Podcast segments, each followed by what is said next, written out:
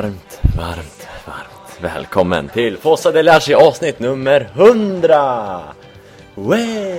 Oj! Och där hör du Andreas Persson. Eh, hej på dig. Hej.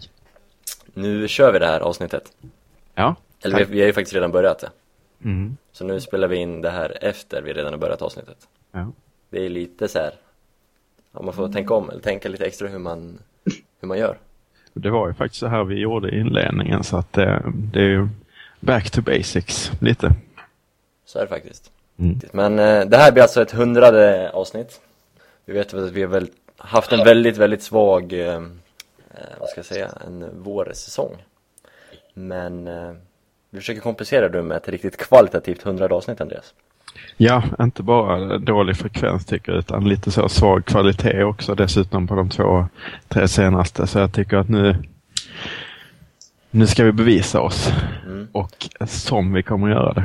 Kan du dra upplägget lite kort? Ja, vi sitter ju här nu, tre stycken. Mm. Men den, den tredje är ju som sagt okänd tills vi har presenterat honom. Men eh, Om vi ni inte tänkte kände ju- igen hans way. Ja, ja. Kanske avslöjade redan där. Men eh, så vi tänkte ju introducera flera olika delar, flera olika ämnen som i sin tur har respektive gäster. Mm. Så att det kommer bli hur bra som helst. Så vi surrar 40 minuter med en gäst och ett ämne. Sen hoppar vi tillbaks hit och kommer ni tillbaks till oss här, oss tre. Sen hoppar vi in till ett annat ämne, en ny gäst. Och sen kör vi så tills vi är nöjda med avsnittet helt enkelt. Och det kommer bli ett tvådelat 100 avsnitt, så det blir avsnitt 100 del 1, avsnitt 100 del 2. Eh, Och med det sagt ska vi presentera den tredje rösten som kommer sitta här med oss här och snacka lite. Ingen respons. Eh, Men då presenterar honom ändå. Eh, Jag har, jag har gjort mina eh, fåtal eh, presentationer och det har ju inte levererat så att säga. Nej, eh, jag tar över. Eh, Han är tillbaks efter eh, en radioskugga, en liten tystnad från honom. Men han är pratsugnare än någonsin. Så välkommen in i värmen, Reza Mohammedi! Oj! Wey! Välkommen tillbaks! Tack, tack. Kul, kul att vara tillbaka. Du har ju varit efterfrågad av våra lyssnare. Ja, Okej, okej. ja, men det är kul att höra. Nu blev jag ännu mer taggad. Och som jag sa till dig Reza när vi började spela in där, vi får, tänk lite att det här är som julafton i Sverige. Klockan är tre, ni slår på SVT 1. Där sitter Arne Weise, eller någon annan eh, modern kuf. Eh, det är lite den rollen vi tre kommer ha nu i det här snacket liksom. Vi sitter här, har lite mysigt, tänder ett ljus. Sen presenterar vi Kalanka. Vi presenterar eh, Mercato-delen till exempel. Eh, så, så alla är med på, på vår roll här. Men det hoppas jag tror alla är nu. Och du också är det Reza. Yes, det är glasklart. Men vi ska inte bara eh, presentera, vi ska snacka lite annat också. Hur, hur har du haft det sen du var med sist i podden? Jo då, det har varit... Eh, kan inte klaga direkt. Det har varit bra faktiskt. Det har varit lugnt och skönt. Känns som att man varit på lite semester. Eh, senaste året. I och med den här radioskuggan. Så det är något jag förresten rekommenderar till folk där ute som eh, kanske är lite för galna i fotboll. Ta lite radioskugga, ta det lite lugnt. Vila. sp- Spara på ilskan. Så kommer ni må och leva lite längre. Men har du, har du sett eh, Milan, eller har du till och med hoppat över Milan-matcherna?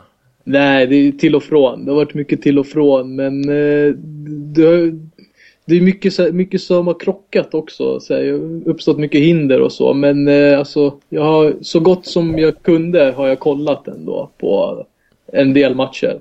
Snällt uttryckt. Den är ändå, den är intressant den där metoden. Har du funderat på den i de banorna Andreas? Eh, nej, det, det känns långt ifrån min verklighet faktiskt. Men jag eh, skulle må bra av det. Vi kan ju säga att jag i alla fall börjar bli rejält taggad nu. Efter eh, inte bara en eh, radiotystnad från Fossa del Galci delvis ehm, så ehm, har det hänt jävla massa i vår fotbollsklubb och hänt. kring vår fotbollsklubb. Så att eh, det finns ju hur mycket som helst att snacka om och det finns så mycket som är oklart och som är spännande jämfört med en, eh, en eh, promenad som inte har lett någonstans eh, eh, under våren. Så nu så, nu så händer det grejer igen. Mm. Och med det sagt, ska vi presentera vårt första samtal som vi hade? Mm. Eh, Reza, vill du ta presentationen? Jag tror jag passar den här gången, men eh, lite längre fram kanske kan jag plocka en presentation. Okej, snyggt. Eh, det här första snacket vi hade är faktiskt med en god vän till dig, Reza. Eh, han heter Sia. Nej! oh. Vi inledde med Sia. Eh, och det är också han som kommer inleda det här hundrade avsnittet. Eh, med honom så snackar vi om, om hur det, stämningen här i Milano, det är två klubbar som har fått in asiater i, i de högre leden. Och ja, färskt kapital, nya pengar, allt det där. Så vi ville ta tempon på hur, hur Sia ser på, på de här nya Milano-klubbarna. Och eftersom han är nere mycket i Milano så vill vi också få höra lite vad han har hört och sett där nerifrån. Så med de orden ska vi presentera första delen Andreas. Mm. Bra, vi ger er Sia. Milan, Milan, corre va, più nessuno ti fermerà. Milan, Milan, mondo intero può conquistar. Tack så mycket. Tack så Hur mycket. är läget med dig? Det är bara bra faktiskt. Kan inte klaga. Eller jag ska göra som alla andra och klaga på vädret, men eh, annars så kan jag inte klaga alls. Du har ju varit en av många som har varit med i fler än ett avsnitt i Fossa Deliarcis långa historia. Ja, vilk, vilken ära. Nu får du vara med i det här är jag mesta, mesta gäst eller? Nej, det tror jag faktiskt inte du är. Jag Vem är det då? tippa på att det är din kamrat Reza. Eller Ja, men han var ju Robin. nästan permanent. Utomstående måste jag ju nästan vara mesta gäst. Ja, det är du eller Robin Blomé. Mest uppskattad också. Förmodligen. Nej, jag driver. Eh, vi ska snacka med dig om, eh, om lite hur eh, situationen, hur det känns i Milano, lite tempen i Milano. Eh, och hur det är det här med, nu har Mr B kommit in i Milan, eller han ska komma in i Milan och sedan länge så har ditt Inter haft Tohir där uppe. Eh, så vi, det här med asiater i den milanesiska fotbollen, det är lite det vi ska snacka med dig om. Ja, det är ju högaktuellt i alla fall. Ja, om vi inleder med, eh, som jag sa, Mr B har kommit in och gör nu sällskap till Erik Tohir eh, som eh, nya presidenter, eller kommande presidenter, Berlusconi är ju fortfarande i Milan, eh, i den milanesiska fotbollen. Vad tror du Sia, om jag börjar med dig, alltså, att det betyder för, för både för Milano men för Serie A att, att nu Moratti försvinner och Berlusconi är på väg bort? Det är ju inte många säsonger han kommer sitta kvar. Jag tror det, det är välbehövligt för båda klubbarna. Eh, alltså till skillnad från Inter, eh, det är någonting också som jag har sagt tror jag många gånger på, på podcasten, just den här, att Milan, Milan har ju alltid varit en fungerande klubb. Ni har ett starkt varumärke, eh, organisationen är uppstyrd, väldigt modern och väldigt icke-italiensk. Inter hade ju ett stort problem med att hela klubben var liksom infekterad av eh, inkompetenta människor som på ett eller annat sätt kände eller var släkt med eller hade någon sorts kontakt med Moratti och det gjorde att antalet anställda i klubben eh, jämfört med det som uträttades av klubben var, eh, ja alltså det var bisarrt, bisarrt låg det, lågt det, det bra som uträttades. Eh, så Tohirs inträde i just Inter tror jag alltså har först och främst påverkat Inter på det sättet att personalstyrkan inom klubben har ritats om något enormt. Alltså, vi gör, de gör eh, klart med i princip en ny direktör i, i, i veckan. Nu känns det som vi har nya presschefer och kommunikationschefer och så vidare och så vidare. Så för Inter så tror jag att eh, tror jag att det har varit väldigt mycket att få det att fungera som ett företag för att en fotbollsklubb, hur mycket man än vill romantisera fotbollen eller inte, den, den måste funka som ett företag också. Annars funkar det inte, annars kommer de aldrig överleva. Och det är det som jag tror blir lite skillnaden, för där Tohir har kommit in och behövt någonstans styra upp managementmässigt Inter, så kommer Mr B in till en klubb som faktiskt är fungerande. Eh, där de sportsliga resultaten inte har funnits, där de sportsliga alltså resurserna inte har... Kanske äh, inte bara att de inte har funnits, kanske att Berlusconi inte har viljan eller pengarna längre att spendera just de här pengarna på Milan. Eh, så jag tror att skillnaden eh, de här två investerarna kommer göra är positiv eh, för Inter. För att till skillnad från Juve som har en väldigt stark it- italiensk identitet men som är blandad med modern kompetens och både Milan och Inter halkat efter i det här italienska, som man kan se i det italienska samhället, att liksom, det funkar inte riktigt som det ska. Eh, jag tror att de här affärsmännen då, då eh, Bi och Tohir eh, bara kommer höja både Inter och Milan. Eh, och som sagt så tror jag att eh, Milans satsning först och främst grundar sig i det sportsliga. Inters satsning grundar sig i att göra om klubben helt och hållet. Men Andreas, jag, jag tänker om man nu tar in eh, Eh, man, eller man, eh, man blir av med, man eh, fasar ut Moratti och, och Berlusconi som har varit i de här två klubbarna extremt länge. Eh, tror du inte man kan tappa lite kärlek, lite hjärta?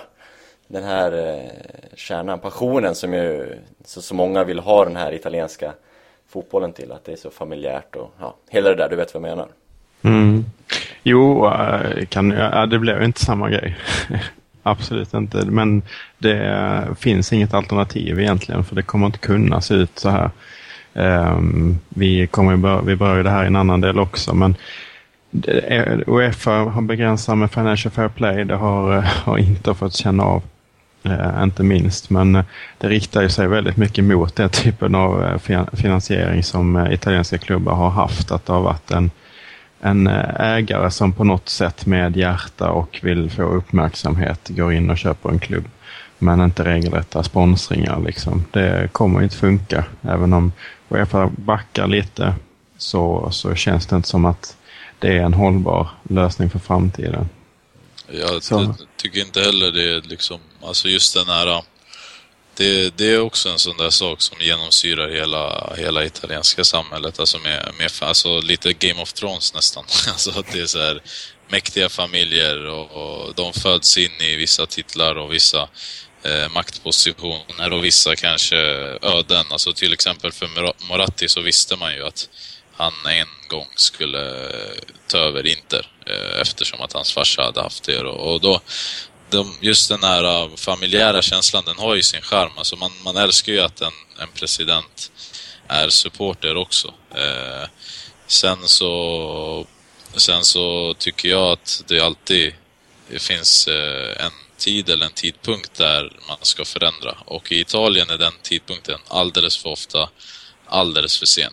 Eh, så därför så tycker jag att okej, den kanske förlorar sin charm, men om man väl tänker efter i Inters fall, det är inte så jävla charmigt att ha en klubb som går minus en, en miljard per säsong i 15 år. Det, det är liksom, den kan vara hur vacker som helst, det kan gå hur bra som helst, men ska man vara 100% seriös så, så är det inte så vackert. Och det är inte så vackert att se eh, för en Milan-supporter att se Milan på tionde plats eller med eh, dåliga spelare och så vidare och så vidare. Och då, då skiter man kanske eh, rätt, rent ut sagt i vem, vem som är president. Eh, för att det handlar väl i grund och botten om eh, att, att klubben ska må bra och att det ska finnas något att tro på. Och med Berlusconi och Moratti så har Milano-klubbarna, eh, Berlusconi och Moratti, inte bara tappat sin identitet men också sin storhet någonstans. Alltså i alla fall i det läget vi är nu. Och eh, det beror också på, på dem. Så jag tror att de har insett båda att det, det är läge för förändring och att de har alltså någonstans krupit i korset och insett att det här är nog bäst för klubben som de säger sig i alla fall eh, hålla så kärt. Så även om det torskar sin charm så finns det sin charm i att de lämnar också, tycker jag. Alltså det nu lämnar väl inte Berlusconi helt. Nej, men, inte än. Ja. Men det är som jag sa, det var vad jag tror. Det är inget som är bekräftat såklart. Men det är inte många säsonger Silvio kommer sitta kvar. Eh, Sen finns ju Barbara med där och snurrar. Det finns, alltså det är inte heller, om vi ska gå in på någonting helt annat, så är det inte heller en slump att det här händer i samband med ett valår i Italien. Alltså det, det är alltid sådär. Vad, vad, hände, vad hände senaste valet? Då var det då Zlatan Zlatan kom då va? Och Robinho och Prince. Och, så det, det är ju inte heller en, en slump att det här händer i den här vevan. Eh, för att Berlusconi eh, har väldigt länge, känns det som, prioriterat annat än Milan. Och han har alltid i grund och botten eh, varit en som, eh, som, har, som har tagit sin politiska makt med hjälp av fotbollen. Eh, det, det är liksom ingen hemlighet. Eh, sen så att han har gjort det jävligt bra och varit en av de bästa, om inte den bästa presidenten som, som någonsin har funnits i europeisk fotboll. Eh, det är en annan fråga. Men hans grundintention har ju alltid varit, eller grundprioritet har ju alltid varit politiken. Ja, det, det, det, där kan man prata om charm också. Han har ju inte varit presente så att säga. överhuvudtaget. ju- Han, kom, han kommer någon gång till Milanello och sjunger hipp hipp hurra liksom. Men eh, generellt så är han, ju- han går ju inte på matcherna och sånt där. Så det, eh, det finns ju, det finns ju inte så mycket av den, den eh, romantiken kvar kan jag tycka. Uh, ska man fortsätta så är det ju, res- det är ju stora skillnader. Om vi börjar på skiljarna, skillnaden då mellan Milan och Inter så känns det mer som att uh, Mr B går in som en investerare. Uh, det är i alla fall det som uttrycks hela tiden. Uh, och, då pratar man ju om att den nuvarande ledningen ska sitta kvar. Och Berlusconi ska fortfarande ha, ha en roll och allting sånt där. Tohir känns ju mycket mer uh, ja, hands-on i alla moment egentligen. Ja, Eh, absolut. absolut. Men det, Alltså, och den mest intressanta skillnaden är egentligen, eh, visst du har tagit upp hur, hur stor skillnad det är kanske på att eh, Milan är mer professionella på, på de alla, alla plan. Liksom. Men vilken enorm värderingsskillnad det är på två klubbar som är relativt jämna när det kommer till titlar. Vi har visserligen mer framgång i Europa och är väl kanske ett större varumärke globalt. Men det är en ofantligt stor skillnad om de summorna stämmer som, eh, Ja. som det pratas om. det absolut. Men det har också med att göra, jag, jag vet inte, jag har inte lika bra koll på Milans ekonomi som på Inters ekonomi. Men eh, Inter har blödit väldigt mycket längre än Milan skulle jag tro. Och siffrorna i klubben måste ju se väldigt mycket sämre ut än de har gjort för Milan väldigt länge. Sen så är det också att man tänker på till exempel när så Inter sålde Zlatan då, då, så drog vi in 50 miljoner euro. Men de 50 miljoner euro spenderades ju på fem spelare med, eller sex, sju spelare med tunga löner. Så det var ju ingen, det var ingen ekonomisk plusning. För till skillnad från när Milan sålde Kaká och Thiago Silva och Zlatan och faktiskt eh, sparade enorma summor pengar.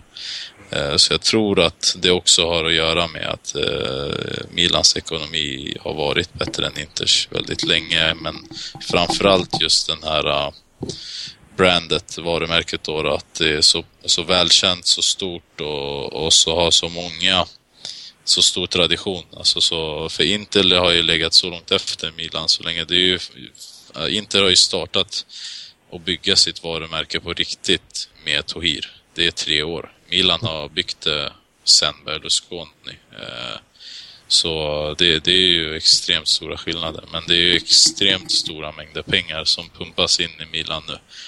Eh, Som, eh, som eh, laget då kommer kunna ha nytta av. Det är också, det är också intressant att se de skillnaderna. Eh, men det känns ju så typiskt någonstans Milan att om en ny investerare kommer, då är det storslaget direkt. Alltså det, det är liksom det, det är typiskt Milan. Det, det har alltid varit så och eh, man vet att man måste få med sig supporterna på det här tåget nu. Annars så kan det ju gå åt helvete liksom. Men var det inte lite liknande ändå när Tohir kom in också i Inter? Det kanske inte var lika många stora namn som ändå har ryktats nu till Milan. Men alltså att det blev lite hype där i början att oh, vi ska värva stort, vi ska värva dyrt. Ja, fast han kom ju in liksom efter ett transferfönster Ja, och, eh, och efter, eh, efter ett, eh, alltså mitt inne i en säsong liksom egentligen. Alltså han fick en tränare som han inte hade valt. Han fick ett lag som han inte hade valt och så vidare. Så han, han kom ju in i någonting helt annat, eh, Tohir. Eh, så det, det snackades aldrig riktigt på, på samma sätt eh, på, om sådana spelare. Och sen så sa de alltid om Tohir att han, eh, han inspirerade sig väldigt mycket av Arsenal och de här klubbarna. Att han gärna skulle vilja värva, spela med unga spelare och talanger och sådär. Eh, och det har han väl haft intention för att göra också.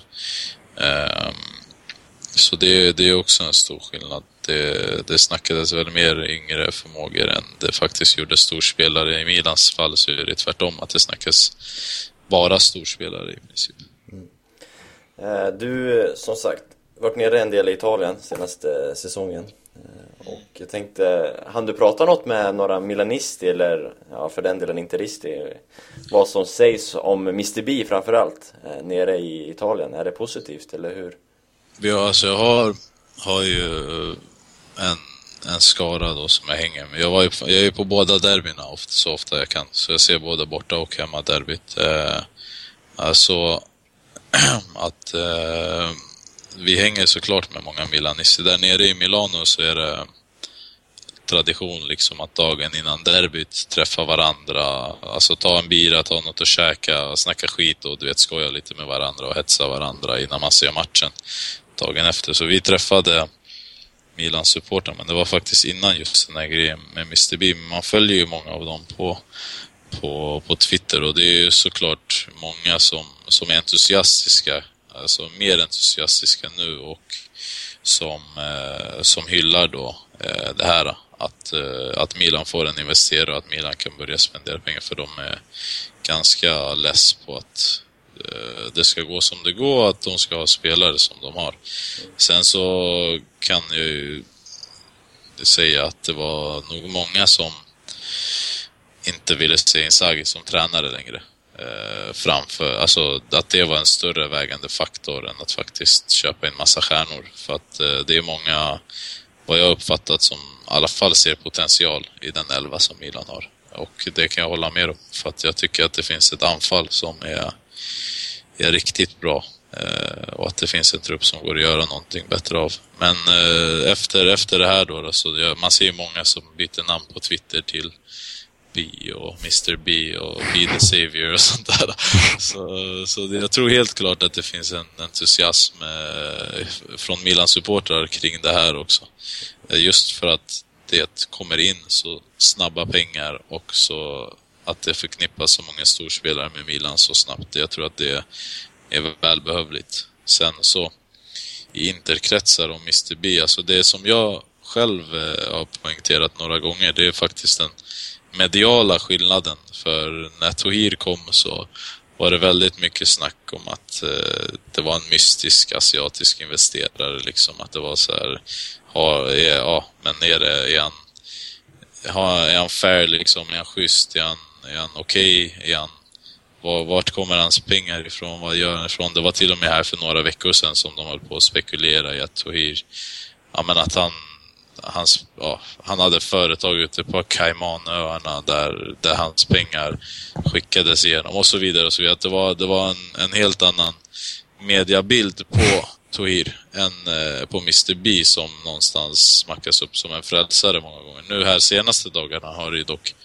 stormat lite kring Mr B också så det kanske har kommit lite rättvisa men eh, det, det finns i alla fall rent kort eh, så finns det en entusiasm och en positiv aura kring eh, kring hans investering och det, det är det som jag tror är viktigast för honom för han, han har egentligen inte snackat så mycket, han har inte gjort så mycket grejer och han har inte synt så mycket. Han har liksom egentligen bara kastat upp pengarna på bordet och gett Galliani en chans att arbeta. Så jag tror att just det där måste ju vara extremt uppskattat för att man vill ju inte ha någon som håller 15 presskonferenser och sen skiter i att spendera. Det är ju helt onödigt. Man är inte... Snacket är det andra som sköter det mindre.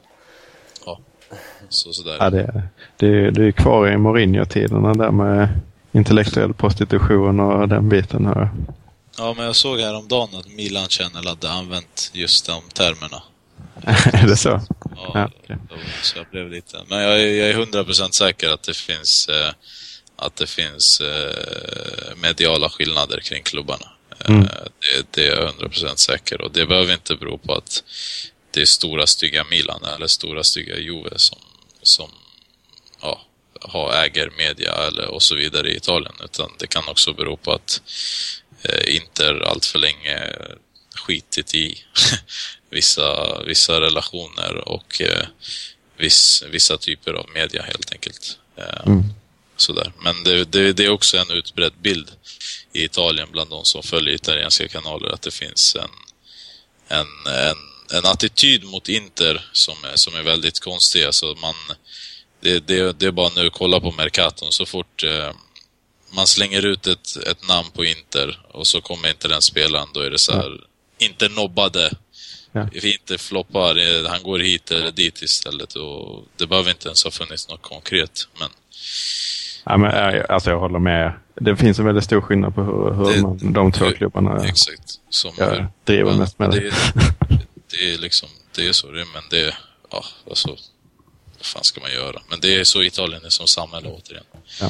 Nej, men det finns skillnader och, och ehm, ja, vi har ta- tagit upp alla skillnader i princip. Jag kan bara understryka de här siffrorna, liksom att det är 48 miljoner euro för 48 procent i runda slängar som som 480, familj. Ja. Ja, 480. Ehm, och i jämförelse med, med eh, 250 då för Inter för 75 procent. Det är 70. Oavsett en... eh, Visst. Eh, det är liksom eh, en majoritet som är jätteviktig att ha. Och liksom det, är, det är så ofantligt stora skillnader.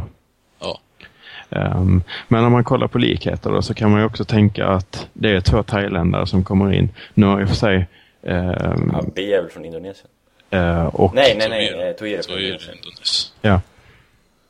Nej, det är inte många rätt i honom. Men eh, det är två sydostasier som kommer in. Som inte har eh, erfarenhet eh, av italiensk fotboll. Tohir har ju från fotboll i sig och från eh, och man kan, man kan ju köpa lite eh, att Mr B har, eh, har eh, lite erfarenhet från västerländsk i och med att han är skolad i Australien. Eh, Men det är ju inte alls samma grej som Italien. Så att man, det finns, känns som att det finns en väldigt stor risk att om man inte lyssnar på rätt folk i Italien att man inte lyckas direkt. Man måste ju omge sig av, eh, av vissa människor. Tohir har ju varit väldigt snabb med att eh, sparka väldigt många människor. Så han måste ju väldigt snabbt ha, ha hittat de personerna han litar på och eh, vill jobba med. Eh, när vi träffade honom för att, eh, den här säsongen så satt vi faktiskt ner och pratade en 15 minuter med honom. Och eh, visst, han, eh, han har ju bra koll alltså, att det har han absolut. Men han har också en syn på fotbollen kanske som inte finns i Italien. För han, vi pratade om att eh, han pratade om att det finns ett negativt klimat på San Siro. Eh, det gäller både Inter och Milan. Eh, för, ja, men han nämnde inte mer, han pratade om Inter, alltså sa att eh, det här negativa klimatet, alltså just jag tror han syftar på, säg en ung spelare som gör felpassning, då sitt, sittplats, publiken har ju redan visslat ut den spelaren liksom. Mm. Det, och eh, han var liksom fast förankrad vid att det är någonting som måste ändras. Eh, och jag var fast förankrad vid att det är någonting som alltid har funnits på San Siro och som alltid kommer finnas på San Siro. Och eh, att det är upp till en spelare någonstans att erövra San Siro. Att vända arenan till sin sida. Eh, och inte känna av pressen där. För de som känner av pressen där, de kommer aldrig klara av att spela på den. Medan de spelarna som faktiskt inte lider av den utan kan göra det till någonting bra, det är de som alltid blir ihågkomna i supporterna och supporternas hjärta och historien. Och eh, just där så kände jag att han hade faktiskt en naiv bild på Italien, på San Siro, på Milano som stad och som fotbollsstad. För det är folk som är vana med stora mästare, stora spelare, stora lag, stora matcher, titlar. Eh, Men samtidigt så är, eh, så är poängen eh, att Inter behöver positivt klimat på sin egna arena helt rätt. Men sen om det är görbart eller inte, det är en annan, det är en annan sak. Men Han sa, det är ju det också. Jag, jag tror verkligen att han, han, eh, för han pratade också, han är ju också, han får ju väldigt mycket skit i Italien för att han inte är, är närvarande liksom. Mm. Och alltså drog han en ganska snabb jämförelse i USA. Han bara, i USA har ingen någonsin frågat om mig. liksom. de, de, de vet inte ens vem jag är. Men jag äger klubben, jag styr den, liksom vi, vi gör bra ifrån oss och så vidare. Men här har det blivit en sån stor grej om han är på plats eller om han inte är på plats eller vad han gör eller hur han styr eller ja, och så vidare. Så jag tror att just Italien som samhälle, precis som du sa Andreas, är eh, eh, är, är, är, är ett sam, alltså det är ett samhälle med traditioner som man måste respektera och ha koll på för att faktiskt lyckas med fotbollen. Ja, vi ser en likadan clash ungefär i, i Roma också som eh, Palotta som, som Ja. går, går i clinch med supportrarna också som inte eh, gillar det typen av klimat och, och av andra anledningar också går i clinch. Så att det gäller att känna sin, eh, sin miljö liksom. Och, eh, ja, alltså det, det är intressant. De här nya presidenterna kan ju förändra också. Det är ändå någonstans ett inflytande som kommer in som det kommer förmodligen se annorlunda ut men det känns som det här, den här supporterkulturen är rätt så svår att förändra. Just, eh, just Ultras är, är ju en speciell grej alltså. För att du, du får antingen välja att göra liksom Lotito, att eh, direkt bryta allting med dem. Mm. Eller, eller så får du försöka göra långsamt. Eh, eller så möts ni halvvägs. Eller ja, det beror på vilka intressen de har och vad de vill och sånt där. Och så, ja. Eh, för deras inflytande på klubben är, är ju extremt, extremt stort. Det fanns ju en tid där Inter hade nazister på läktarna och för att få bort dem så gjorde man liksom stewards av dem. Mm. Alltså det, det, var, det var den snabbaste lösningen. Nej, men vi, vi kan inte ha er på läktarna men ni får liksom jobba för klubben. alltså det, och då fick du ju bort eh, en av de stökigaste och värsta grupperna från läktarna. Eh, Mm. Liksom, så det, det, det är så det kan funka i Italien. Nu vet jag inte. Tohir, han, ja, som sagt, han, han är ju inte på plats på samma sätt så han är ju lite mer svåråtkomlig. Det är svårt att liksom åka till Jakarta och hota honom med att, eh, med att eh, bränna upp träningsanläggningen om inte, ja, om han är där. Men med andra italienska presidenter så tror jag att det är en helt annan sak. Alltså, vi har ju sett det inte minst i Milan där det har senaste två åren varit några incidenter där man har eh, ja, men begärt, begärt, alltså begärt liksom kvartssamtal med spelare och hälsat på på träningsanläggningar och sånt där. Ja, men jag, ty jag tycker det att Milan, man har fortfarande inflytande. Supportrarna är väldigt stort. Eh, eh, Jag tycker jag blev lite, blev lite avvisad av de andra som, som var med i, de, i den här podden tyckte jag. När, eh, tyckte att det var viktigt att man sa ifrån. Det var game over och mycket sådana eh, banderoller på eh, i kurvan då.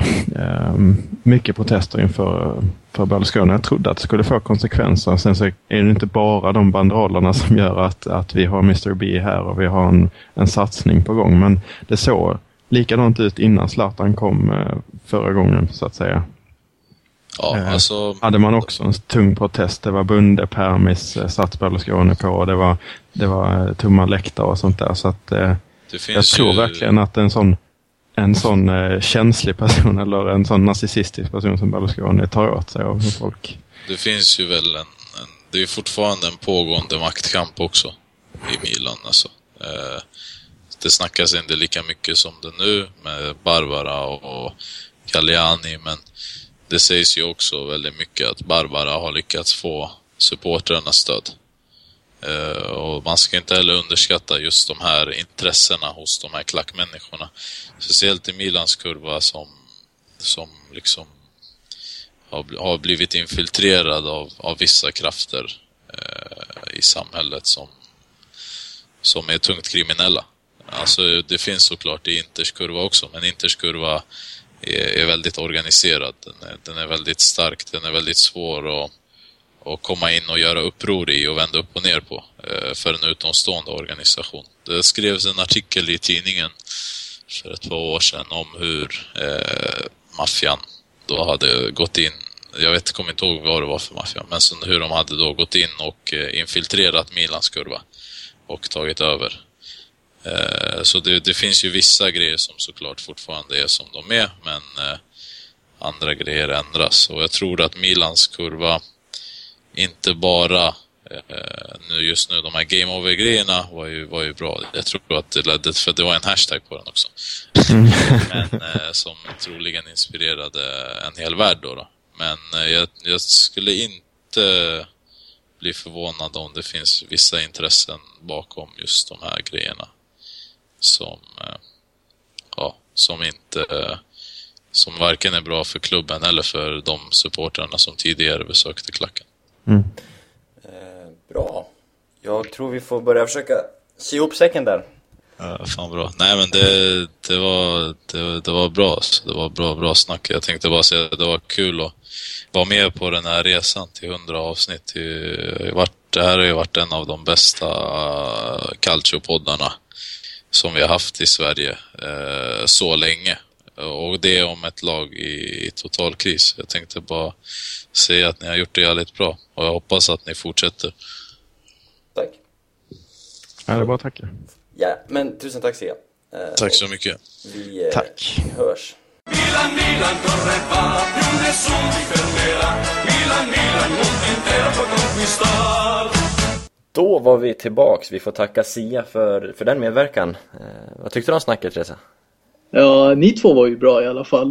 Eh, Sen vet jag inte riktigt vad jag ska säga om Sias insats, men... eh, Ja, eller han var ju säkert, han, han var väl säkert också, han gjorde säkert också bra ifrån Vad säkert. Du, har inte- du har inte ens hört det. Jag vet inte, så jag har ingen aning, jag vet inte. Eh, nej.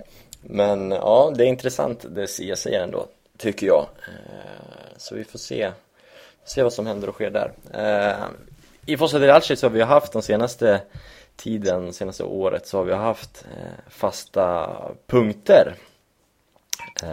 Vi har ju haft veckans ost till exempel och så har vi haft med egen punkt om fax, perlfax.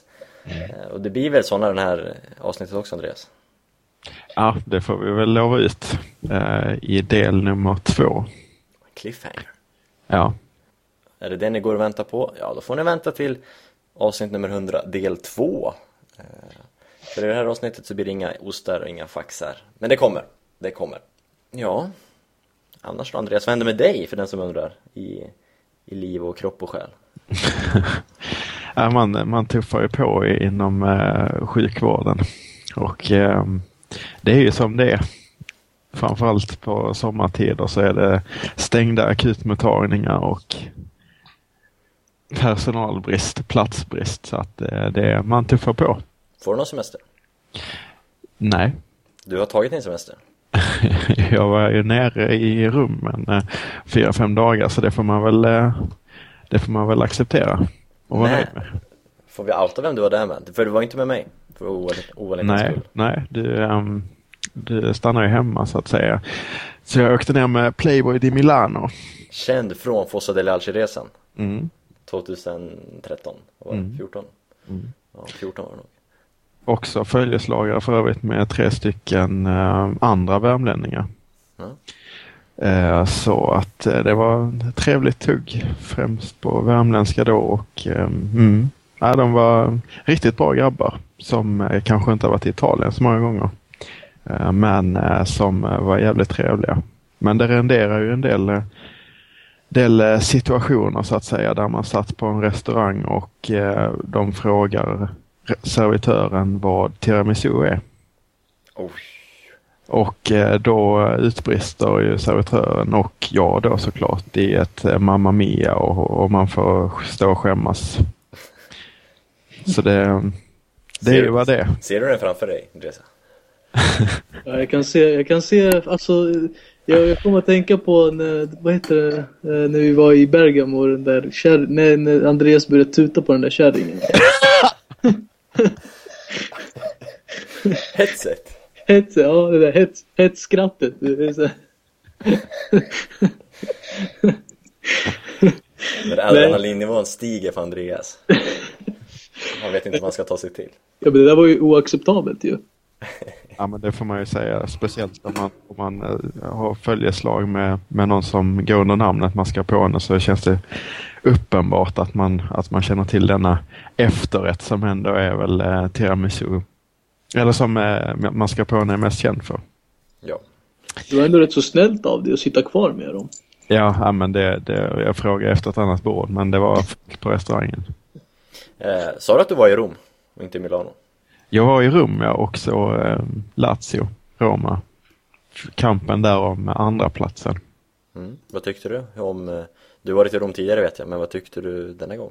Om staden och fotbollen? Derbyt där är ju någonting annat än Milano får man ju säga. Men det är eh, som så mycket, eh, som fotbollen i Italien så är det ju en, en bild av hur um, samhället ser ut och um, Milano däremot passar Milano väldigt bra och eh, Romderbyt passar Rom väldigt bra som stad. Det är mycket rök och lite magi i luften och eh, det är runda läktare och sånt där. Eh, den är mycket fin. Fick du några sparkar i ryggen som du fick sist? Nej, då fick jag ju det som Milan-supporter eftersom jag filmade Kåsud. Eh, lite väl mycket. Och borta klacken då, för att förtydliga det. Det finns ju två Kovasud i mötet mot Roma. Men eh, nej, det slapp jag den här gången.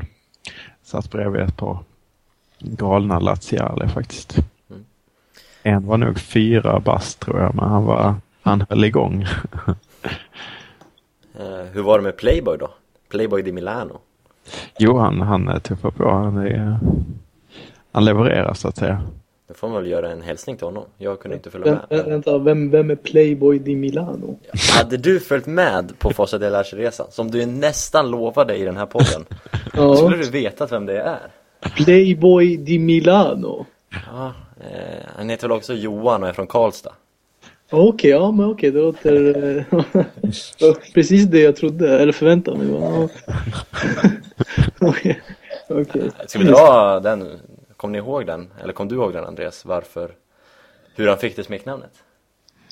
Det var väl en sån där gatuförsäljare, eller gatuförsäljare är väl lite snällt att kalla, men eh, men eh, en eh, sån där mörkhyad man som ger ut armband på, på piazzorna där i, i Milano och sen så lämnar det gratis och sen vill ha pengar för det så att säga. Mm. Eh, han eh, steg fram till Johan och eh, kallade honom Playboy. Så var det. Eh, och sedan dess har han ju gått under det smeknamnet. Mm, mm. Det ju, Ja, han, han levererar ju, lever ju upp till det så att säga. det är ju en av de bästa minnena från Fossa del Laci, om man får räkna in Fossa del Laci-resan. Ja, det, det var en fin resa. Så var det.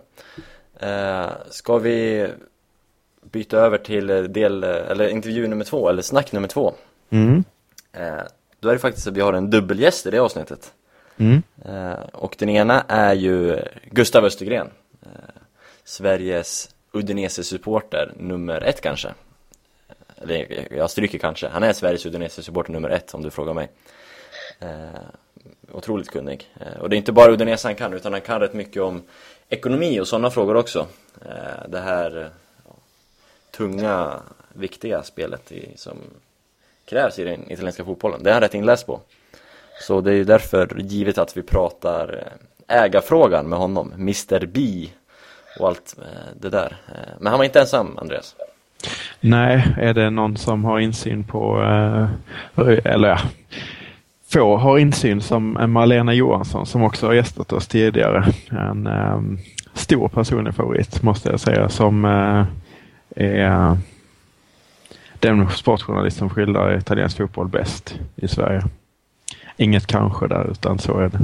Eh, hon eh, kan ju Berlusconi-familjen eh, och eh, hade ju en diskussion med just Östergren på Twitter där, eh, där man diskuterade vad, vad det egentligen är som händer och varför folk gör saker. Det var ju mest frågetecken men det är ju det, det är ju där vi är nu så att eh, det öppnar upp för en väldigt intressant diskussion.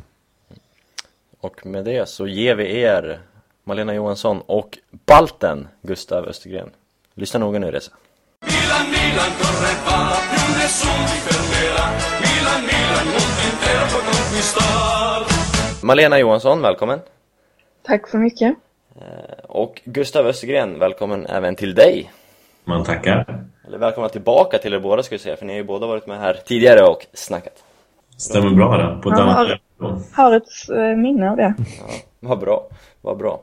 Eh, det vi ska prata med er två om, det är ju vår eh, investerare, vår eventuellt kommande president, det får vi se. Men Mr B, som ju har kommit in i Milan, eller i Milan och vad det ser ut som att kommer köpa 48% eh, och det grundades ju lite i att ni två tillsammans med eh, Bloggistuta på Twitter, ni hade en rätt intressant diskussion som jag och Andreas gärna ville flytta och lyfta i, i det här mediet också. Så det är väl lite det vi har tänkt att göra. Eh, men innan vi gör det så, Andreas, eh, Mr B, som nu har kommit in, en liten kort story om honom eller en liten kort sammanfattning, har du det? På lager? Mm. Vi, det är ju en entreprenör vi har att göra med eh, som inte i, i sig har så himla mycket pengar men han har ju mycket pengar eh, i, via kontakter bakom sig och sånt där. Men eh, han började ju, det är investmentbolag han sysslar med, eh, bolag som investerar i bolag och sånt där. Han började i bostadssektorn, nu håller han på i, i alla marknader egentligen och det är väl lite det som kan vara relevant. Han, eh, jag läste något citat han sa om att han ser möjligheter i, inte, inte i särskilda branscher, utan han ser möjligheter i företag. Mm. Ehm, och eh, nu verkar han ju vara ganska tydlig eh, med att det är Milan han vill ha. Han har liksom det kändes först som att det var helt hopplöst. Eller färgen skulle inte gå i lås, men sen så helt plötsligt så, så smäller han upp alla pengarna helt plötsligt. Så han verkar vara väldigt bestämd om att det är just Milan, det är ingen annan fotbollsklubb. Så det verkar ju intressant i sig. Uh, Han växte upp i, i Australien så han har i alla fall kort, uh, fått kontakt med västvärlden även om den är, den är begränsad. Sen har han ju valt att köra sitt race i, i Thailand eftersom det är där som kontakterna finns om man vill jobba i Asien. Uh, Det är så han själv beskriver det i alla fall. Um, så um, mm, lite kontakt med västvärlden, jätte, eller lite kontakt med fotbollen. Uh, så det är ingen garanti på något sätt för att det flyter på direkt med fotbollen i Italien som är väldigt speciell. Um, vi jämför det med Turin, jämför med en annan del. Så att eh, mm, det var lite kort i alla fall om, om eh, vem vi har att göra med. Man vet ju väldigt lite. Ja, eh, den som har, följer Gustav och Malena på Twitter kunde ju se att den diskussionen, det är ju så många frågetecken, varenda tweet avslutades nästan med en frågetecken fram och tillbaks. Eh, så det är ju oklarheter som, som råder. Och om jag bollar över det här till, till dig Gustav först, eh, att det är så mycket pengar som ändå ser ut att pumpas in i Milan. Eh, och man inte riktigt vet, vet var det kommer ifrån, om det är om det är Bi som eh, pumpar in det, om det är den här fonden Dojen Sports som har varit med och snurrat och syns med på bilderna och Lucas Nelly och allt det där. Eh, vad är det som händer egentligen? Hur, hur kan Milan gå från noll pengar till massa pengar? Eh, det är en bra fråga. Han är väl intresserad av att vända själva trenden som Milan upplever just nu. På ett eller annat sätt. Han vill ju växa varumärket i Asien till att börja med. Och sen är väl tanken att börsnotera Milan i Asien inom två år om jag inte minns fel. Så pengarna går väl in i klubben nu för att eh, öka intresset och den sportsliga framgången och sen eh, på sikt värdet. Det är väl den korta tanken han har skulle jag tro. Det du? kan vara relevant att sätta hans förmögenhet i relation till Berlusconis. Mm. Och då så står han ju ganska slätt ändå. Han är god för 1,2 miljarder dollar ungefär. Vilket inte... Berlusconi är väl god för 8,5 miljarder dollar på pappret. Sen vet man ju inte vad han har för tillgångar. Dolda och så vidare. Men. Så det är en ganska stor skillnad där till att börja med. Ja, det, det, det är intressant bara att få de siffrorna sådär. Eh, Men om man, om man börjar med hans eh, strategi, du pratar om att, eh, vad han vill göra, vilket på något sätt kan liksom förklara varför han köper klubben, är att han vill exponera mer för Asien och där kan man ju se en stor uppsida kan jag tänka i inkomster. Eh, det är ju inte så konstigt att tänka. Eh, men att sen börsnotera det direkt, bara där känns det känns väldigt märkligt att köpa en klubb så pass dyrt som han gör och sen tänka och börsnotera snart. Då, då känns det som att det, det, måste väldigt mycket pengar, eh, väldigt mycket utveckling till för att Milan ska vara värt så mycket som han har betalt det eh, när man säljer det i aktier. Man ska ha klart för sig att det är jäkligt svårt att värdera en fotbollsklubb om den inte är börsnoterad. Eh, speciellt nu i Milans fall. Jag har ju läst värderingar på allt från 360 miljoner euro till 1,4 miljarder euro. Mm. Så det är ett väldigt brett spann. Eh, ja. Så det gäller ju att värdera det rätt och även på sikt vad det kan ge i avkastning. Det är hela tiden det man får, får eh, jämföra med, liksom. men det, det är så svårt i det här fallet. Men ja, man vet också ganska lite även om man publicerar inkomster, man publicerar liksom hur, hur mycket back man går och sånt där. Mm. Men det, det, är lätt att göra jämförelser med andra italienska klubbar och, och, konstatera att Milan är värt mycket, mycket, mycket mer än alla andra. Så är det ju. Om de här siffrorna stämmer då. Vanligtvis brukar man räkna på något som heter Enterprise Value. Så då är det tillgångar och skulder, det vill säga vad en, en köpare skulle behöva betala för klubben. Och Milans Enterprise Value ligger väl någonstans runt 620 miljoner euro. Så det kan man väl ha någon, som någon sorts gyllene mellanväg om man ska snacka om en värdering. Mm. Så då betalar ni ett överpris om man tittar på den siffran. Ja, det, det går att vända och vrida på. det. Så, sen har vi många spekulerat och det har jag också gjort det att eh, det är konstigt att fler inte vill investera just i Italien för att det känns som att fotbollsklubbarna har så stora värden. Liksom, eh, det är stora klubbar som borde kunna exponeras och bli väldigt stora. Eh, man har inte gjort det på alls samma sätt som i England eller i eh, Spanien har inte riktigt samma, samma sätt men de är Mm, det ja. känns som att det finns en stor uppsida. Du kan bygga arenor och sånt där och du kan göra klubbarna mycket mer eh, ekonomiskt välmående. Helt klart, det finns ju mycket potential i arenorna som du säger. Arenaparken är väl 60 år gammal i snitt eller vad det är. Mm. Och hälften, ja, kanske en majoritet av klubbarna äger inte ens sin egen arena. Så där finns ju en enorm uppsida att öka intäkten. Men även internationellt sett. Man kan ju lyfta Berlusconi och familjens perspektiv också. Jag tror du var lite inne på det mm, Malena, att varför, ska, varför vill man göra på det här viset? Varför vill man satsa till exempel om man eh, ändå ska sälja? Ja, men det är väl lite, mm, alltså, jag, har väl mest frågetecken om detta. Jag vet, jag är ingen ekonomiperson heller, men man undrar lite både från eh, både vad Mr B vill egentligen, vad hans motivation är för att gå in i Milan.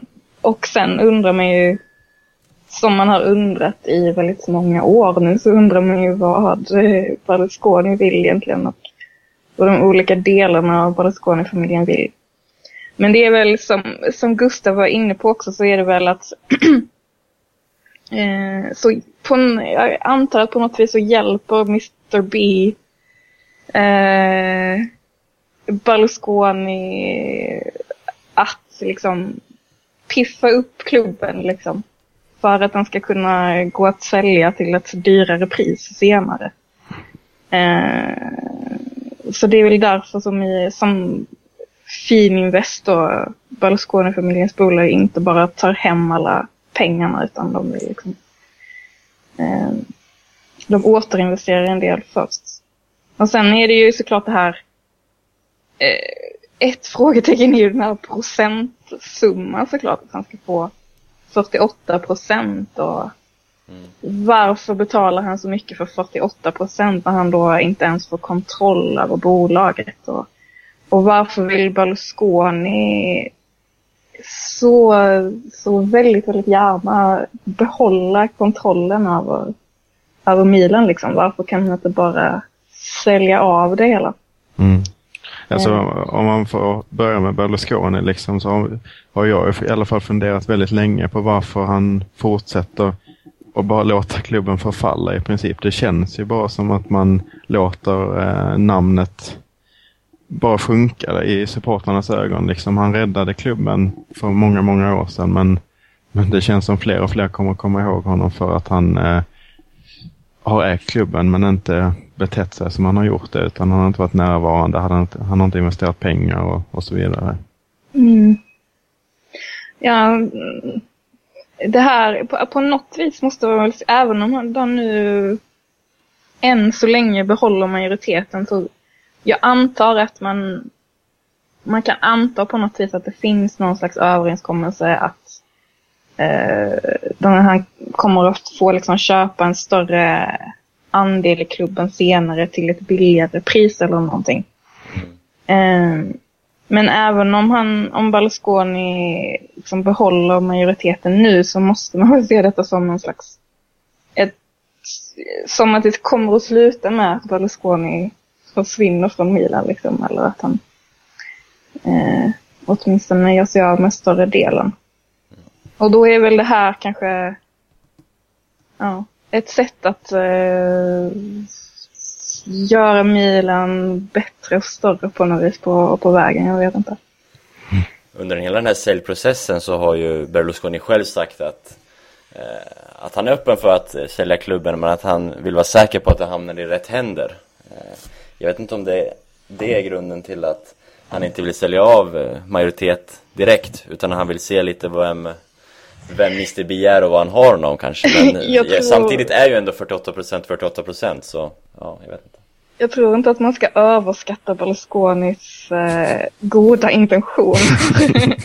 Jag, tror Poäng. att man kan räkna med, jag tror att man kan räkna med att han har eh, väldigt egoistiska skäl till att han gör det han gör. Valid point. Jo, men det kan ju absolut vara så att han eh, att man, man vill, eh, det finns den typen av överenskommelser att Milan ska prestera på ett sätt sportsligt och så vidare för att han ska fullfölja ett köp. Eller eh, att han då ska sälja tillbaks eller något sånt där. Det har i alla fall spekulerats om det. Ehm, mm, ja, det, det, det är väldigt svårt.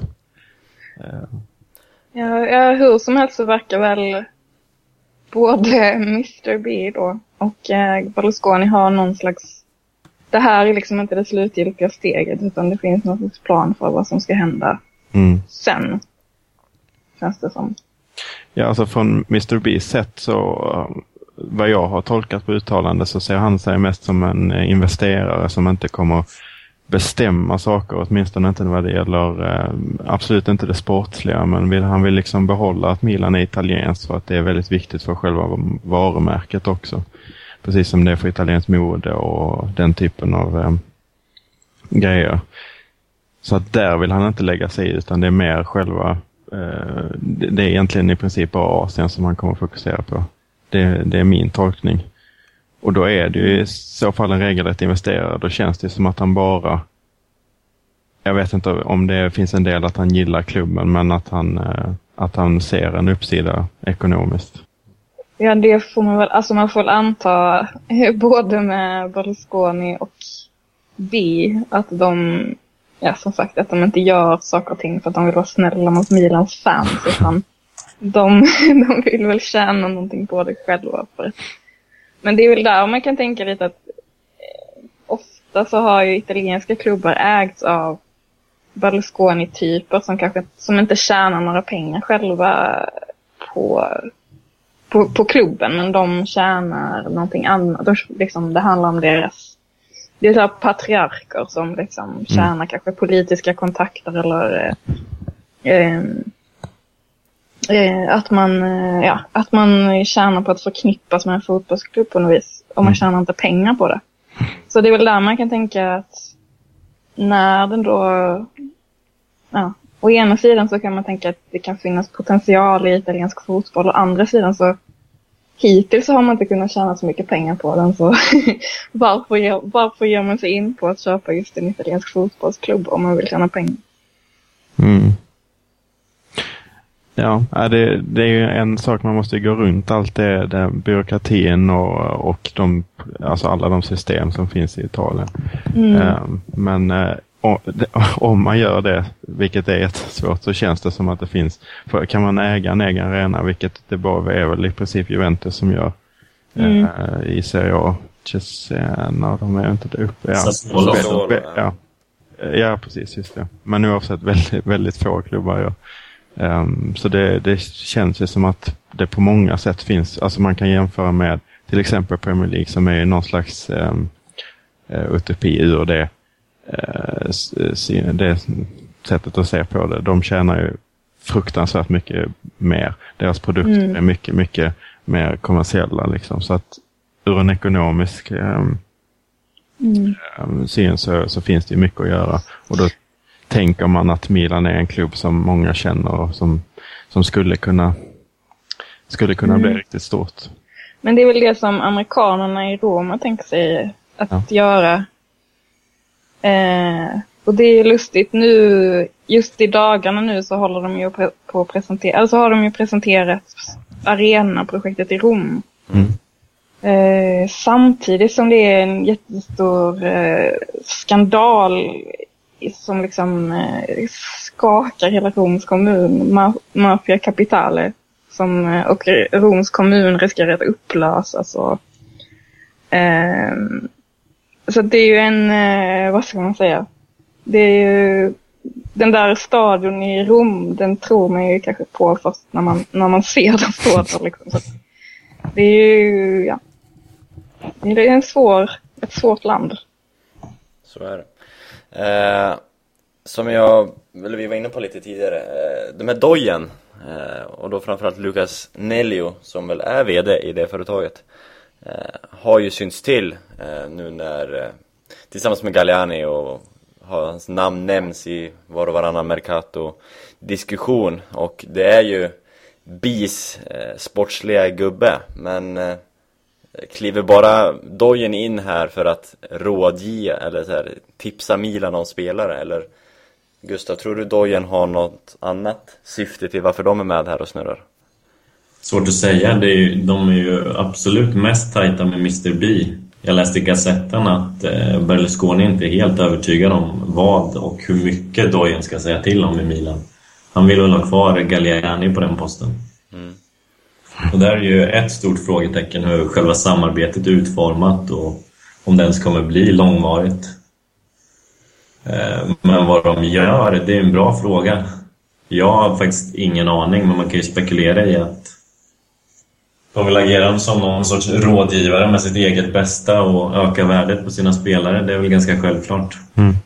Har inte varit de här eh, stora, eller det är inga så här okända spelare som Milan har varit och förhandlat om hittills eh, direkt. Visst, vi var ju, Galliani var ju Porto eh, för Jackson eh, framförallt, men det pratades ju lite om Brahimi som är ju en Dojen-spelare.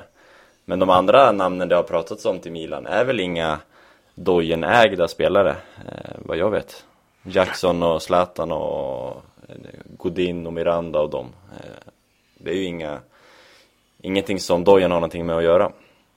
Så frågan är ju om de har haft något finger med i det spelet och vad de gör liksom. Det är, det är oklart. Jag tycker det är svårt att veta vad de gör överhuvudtaget, inte bara med Milan. Eh, för att de, de beskrev ju sig själva som att de är en bank liksom, som lånar ut, lånar ut pengar till klubbar för att de ska kunna köpa eh, fotbollsspelare som de inte hade kunnat köpa annars. Men sen så stoppade ju FIFA, eller ja, om det var Uefa eller Fifa. Uefa var det väl kanske eh, stoppade ju detta med regeländringar. Liksom. Eh, så nu får man inte ha en sån där tredje part. Det är väl därför det är så viktigt att de säger hela tiden nu med Milan att vi kommer inte bidra med några pengar alls utan vi är bara rådgivare. Mm. Så då undrar man ju vad, vad gör de egentligen? Mm. vad går de ut på egentligen? Precis. Ja, det, den funderingen har jag också haft. Det, det, går ju, det känns ju inte som något speciellt fräscht fenomen i och med att det liksom Nej. sätts stopps för det rent lagmässigt. Um, och frågan är som sagt vad de kan bidra med. Och det, det är inte bara där lagen sätter emot egentligen. Om man, om man tänker att Milan ska, ska köpas eller köps upp så som det är sagt nu så kommer ju egentligen pengarna de kommer inte in som någon slags intäkter till klubben heller, borde de inte göra. Och då har vi ett annat regelverk, eh, Financial Fair Play som Uefa har, som gör att vi inte skulle kunna spela i Europa eller kommer bli bestraffade. Det har vi sett Inter till exempel och, och Roma och, och City och, och PSG och sådär blir straffade för. Det känns som att man, man eh, i alla fall på de, vi har, det är ingenting som är klart än, men på de ryktena som är gjorda så, så beter man liksom sig som någon eh, en nyrik klubb på något sätt som bara ska ha allting och, och köpa typ på utköpsklausuler och, och, och sådär. Det, det, känns väldigt märkligt sett i de regelverk som, som är, har satts upp nu. Dels för tredjepartsägande eh, men också för, eh, för ekonomisk stabilitet. Det känns så jag känner mig nästan så smutsig. Man blandar så här de härliga, härliga känslorna att alla stora spelare åter ryktas till Milan. Men samtidigt så känns det ju, jag vet inte, det är så ovant att det känns att det här kan straffa sig i slutändan på något vis. Jag vet inte. Det, det är någonting som skaver där. Berlusconi har ägt klubben sedan 1986 så ja. jag, vet inte, jag vet inte hur smutsig det känns. Nej, det, det är också en, en valid point men eh, Ja, med tanke på som Andreas säger, Financial Fair Play har ju inte, har inte funnits så länge eh, direkt. Så... Jag tänkte på med Financial Fair Play att Berlusconi borde egentligen känna sig lurad av Financial Fair Play. Jag vet att han, han gjorde något uttalande för ett tag sedan om arabiska prinsar och vad det var. Att de kommer in med så mycket pengar eh, och det, han kan inte matcha dem liksom. Utan nu måste han få in en annan eh, investerare. För att han på egen hand kan inte, kan inte hålla Milan på samma nivå som förut. Och det är ju lite att de här arabiska prinsarna kommer in. Det är ju liksom mot principerna för financial, för financial fair play. Det är ju ett regelverk egentligen som borde ha gynnat Berlusconi skulle man kunna tänka sig. Att han var, eller Milan var liksom redan redan bland de största klubbarna. Så att med Financial Fair Play så borde ingen ha kunnat komma in och hota dem liksom. Men det har de kunnat göra ändå. Financial Fair Play har inte kunnat stoppa dem. För att Berlusconi var väl en av dem som var som var för Financial Fair Play när det skulle införas. Liksom. Mm. Alla de stora klubbarna i Europa var ju för det.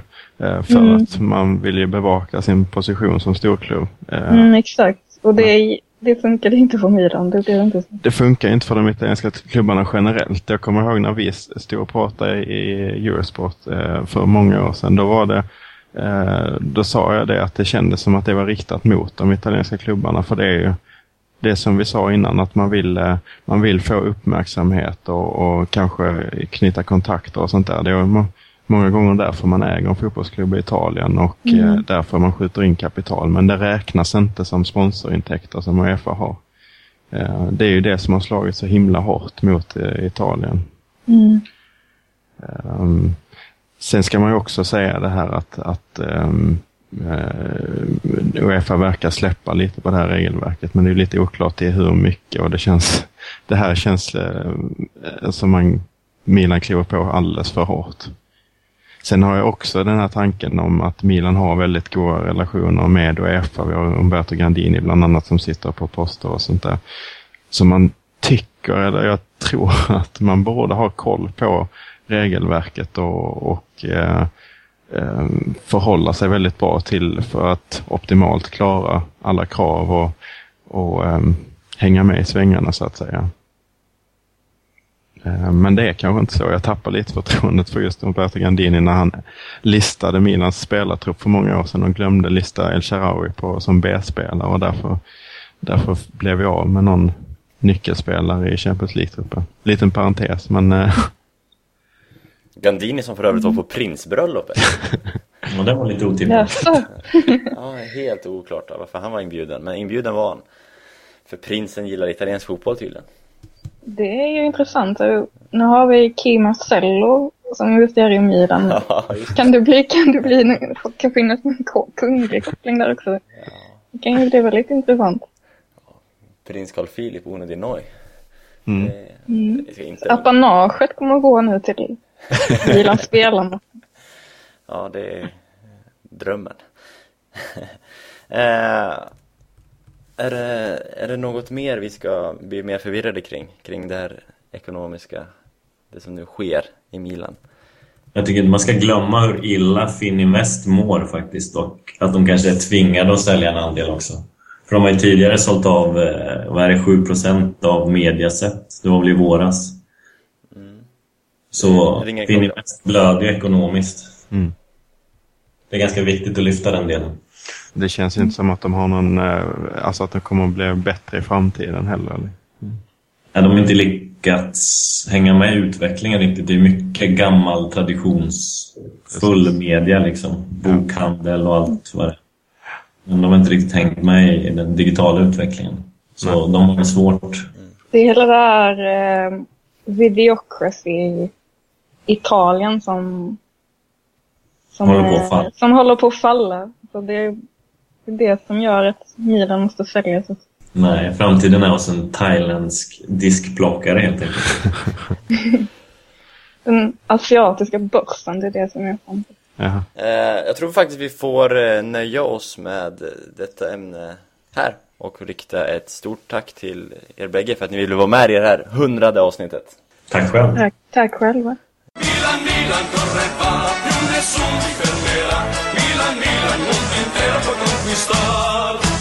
Jag kan ju berätta det att eh, inför den här sista delen så, så hade vi frågat gästen på, på ja, hade kommunicerat med gästen och frågat om han ville vara med. Och nu säger jag att det är en han och avslöjar det direkt. Eh, men så, så är det. Eh, jag frågade honom om han ville vara med. Och han eh, var positiv direkt och sa men vi återkommer om några dagar så kan vi, kan vi höras då. Så jag, i morse skriver jag, eller i morse, det var väl klockan 12 kanske. Eh, I morse för mig, eh, förmiddag för Andreas. Eh, så skriver jag till Andreas och frågar när kan du spela in idag eller när slutar du idag?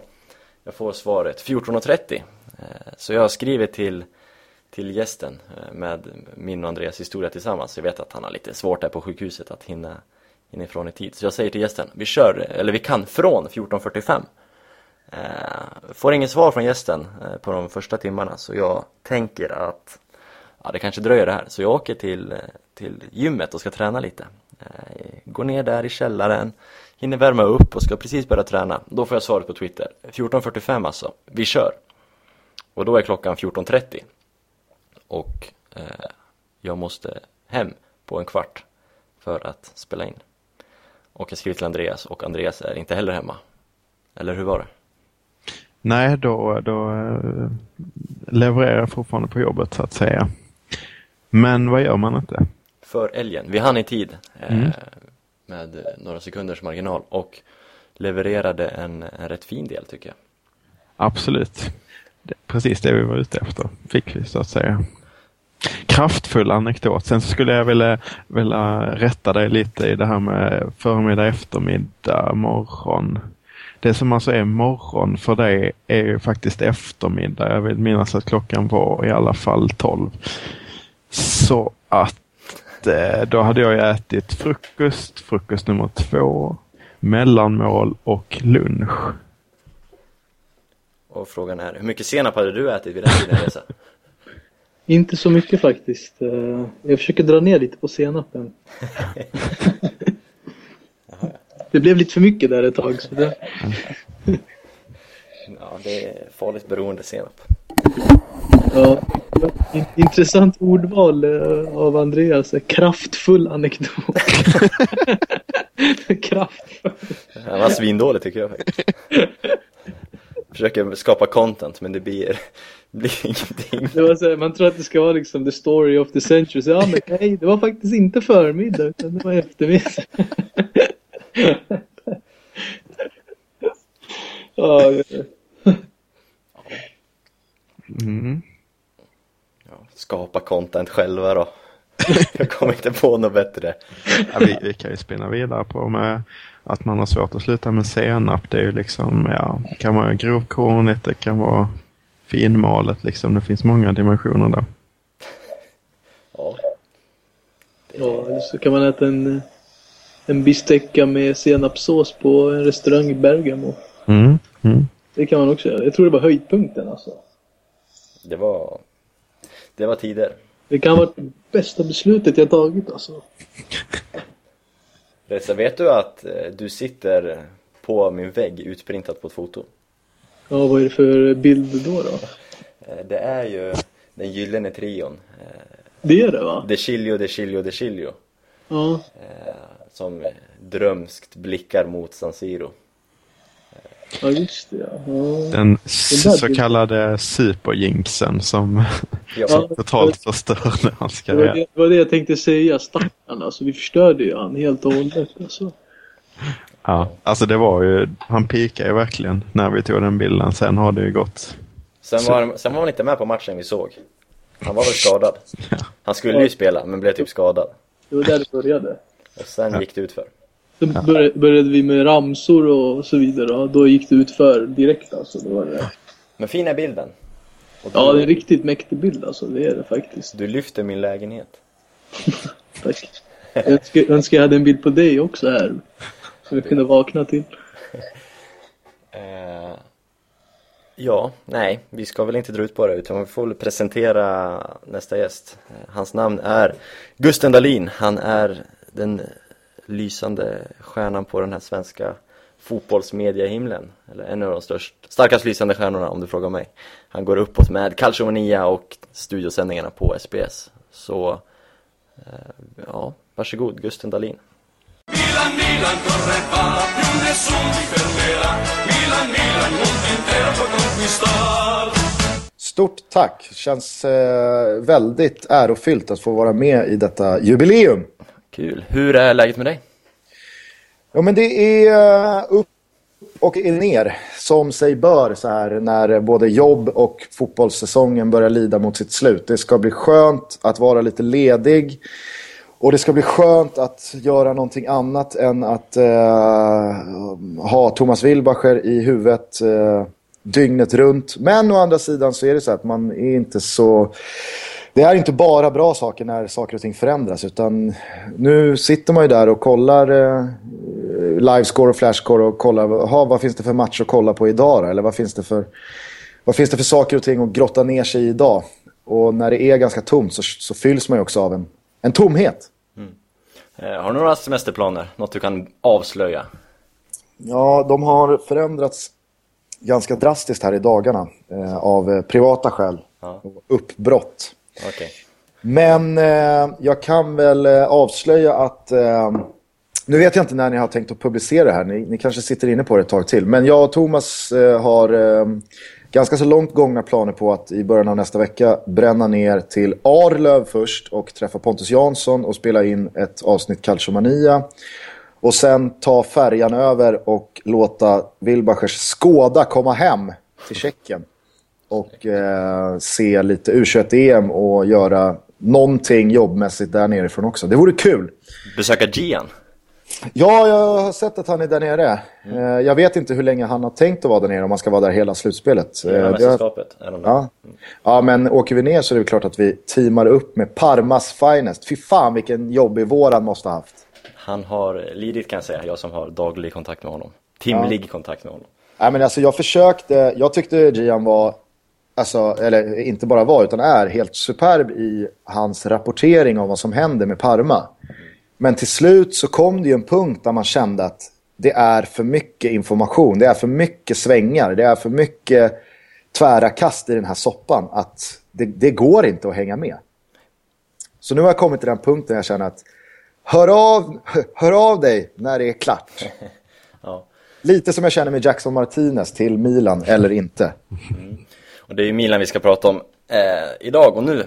Eh, och- din roll idag, det vi ska prata med dig om, tanken är ju att du är ju romanista som jag antar att våra lyssnare vet. Eh, och du ska verkligen få gå in i den rollen lite mer än vad du brukar göra i andra poddar kanske. Eh, och verkligen eh, från en romanistas synvinkel analysera Milan lite. Eh, jag tänkte om vi börjar, att vi backar tiden lite. Milan har ju under vår uppväxt, under din och min uppväxt och Andreas uppväxt eh, varit eh, de största, eh, rätt överlägset. I alla fall i Europa och så. Roma har ju inte riktigt varit i närheten. Och jag tänker nu de här senaste två, tre säsongerna har vi hackat rejält. Så hur har din syn på Milan förändrats under de här senaste säsongerna? Men alltså, precis som du säger så är väl alla vare sig man håller på Milan eller inte, medvetna om att det har ju skett en nedmontering såväl ekonomiskt men framförallt eh, spelarmässigt och kvalitetsmässigt. Jag menar, jag tror att vi är ganska många som har följt den italienska fotbollen eh, de senaste 10, 5, 10, 15, 20 åren. Jag vet inte hur länge man har varit med i gamet. Eh, som när man tänker på Milan ser framför sig spelare som håller den absoluta högsta nivån. Och sen så har aldrig jag känt att Milan varit ett lag som eh, vinner fem raka Scudetti eller eh, vinner Champions League tre gånger om så som man kanske har bilden av Barcelona eller Real Madrid eller Bayern München idag. Alltså de, har ju, de klubbarna har ju tagit sig till en nivå där framgången någonstans är ett krav och en självklarhet. Och lyfter man inte de största pokalerna så är det nästan en floppsäsong. Mm. Eh, där har väl kanske aldrig Milan varit, men Milan har ju alltid varit eh, ett lag som på tre år vinner Serie A minst en gång. Som på fem år minst är i en eller två Champions League-finaler och som alltid har spelare som är på de absolut största klubbarnas radar och kanske det stannar där för att spelarna i sig vill inte gå någon annanstans än Milan. Mm.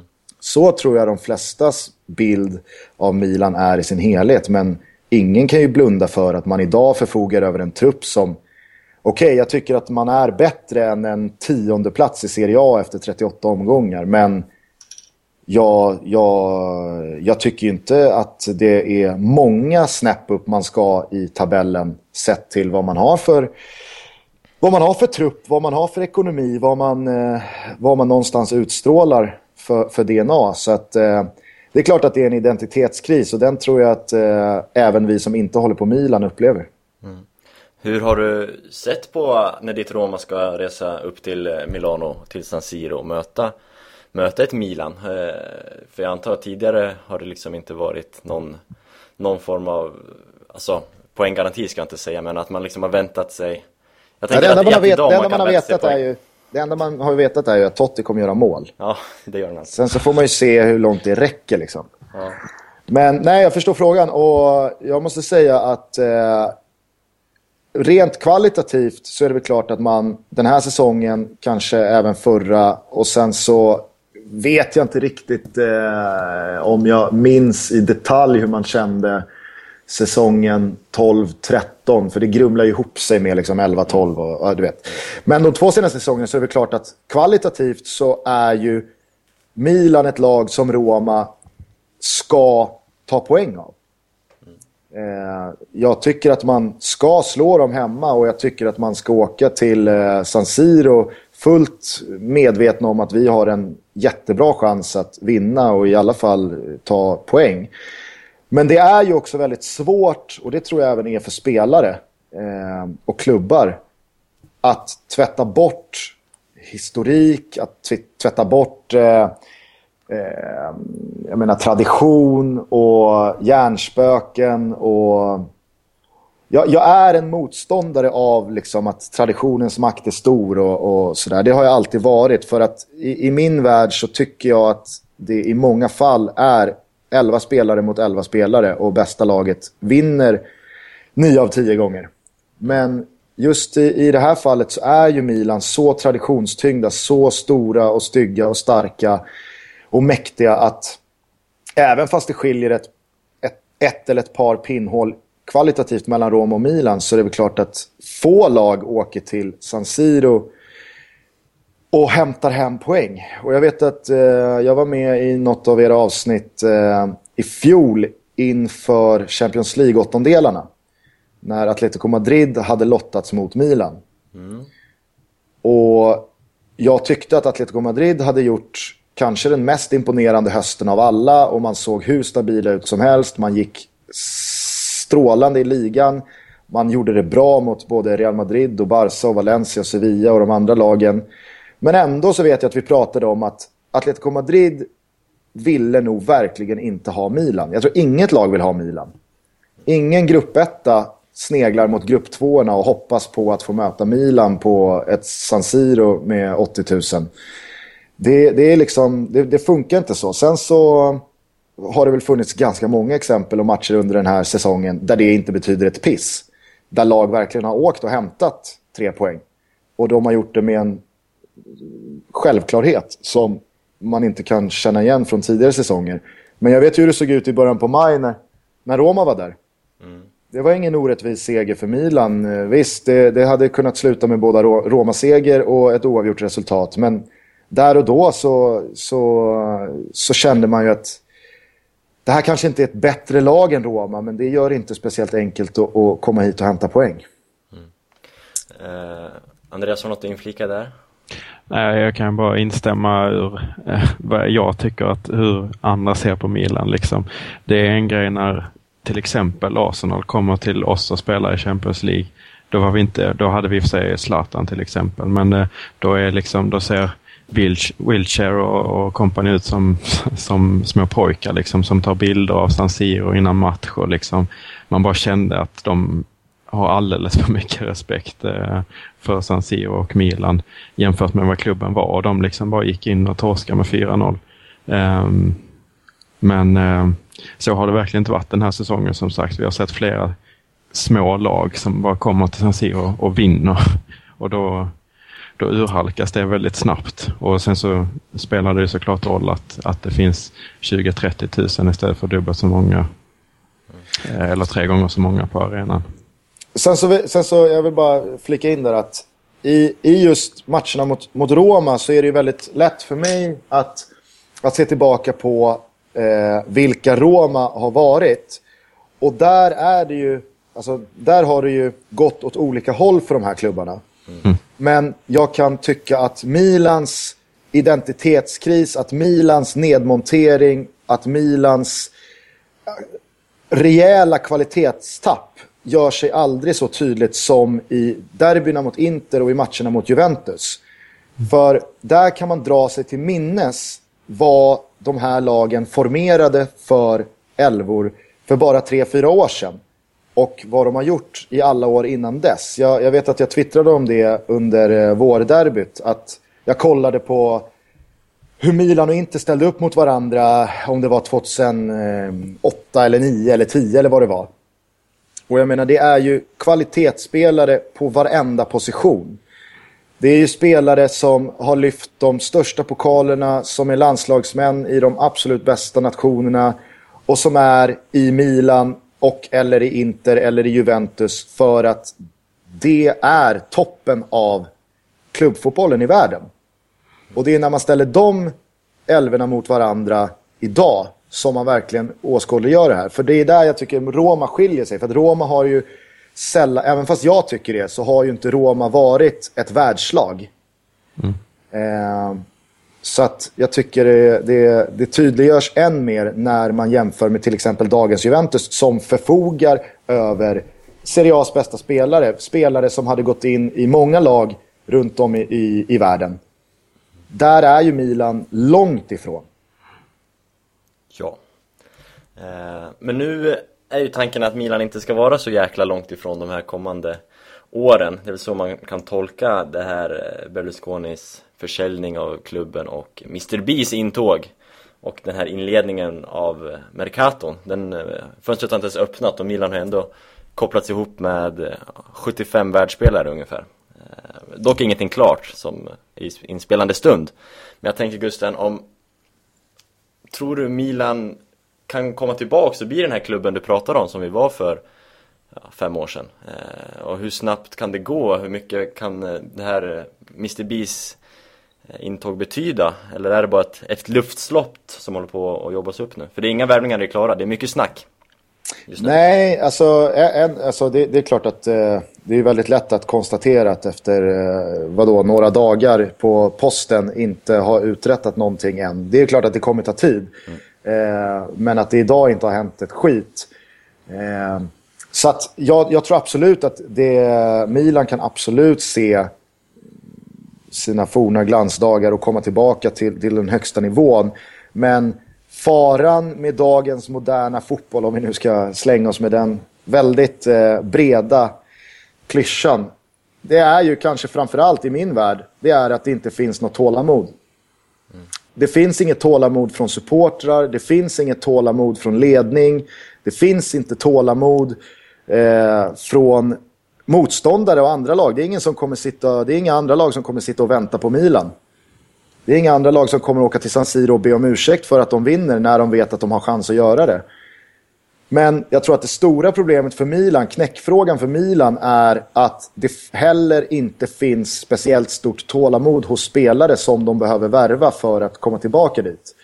Ska vi vara lite ärliga och lite krassa så, eh, så tror jag att Milan behöver vända sig utomlands för att ta in kvalitet till sitt lag som gör att man kan lyfta sig både sex och sju och 8 och kanske 10 tabellplaceringar i Serie A.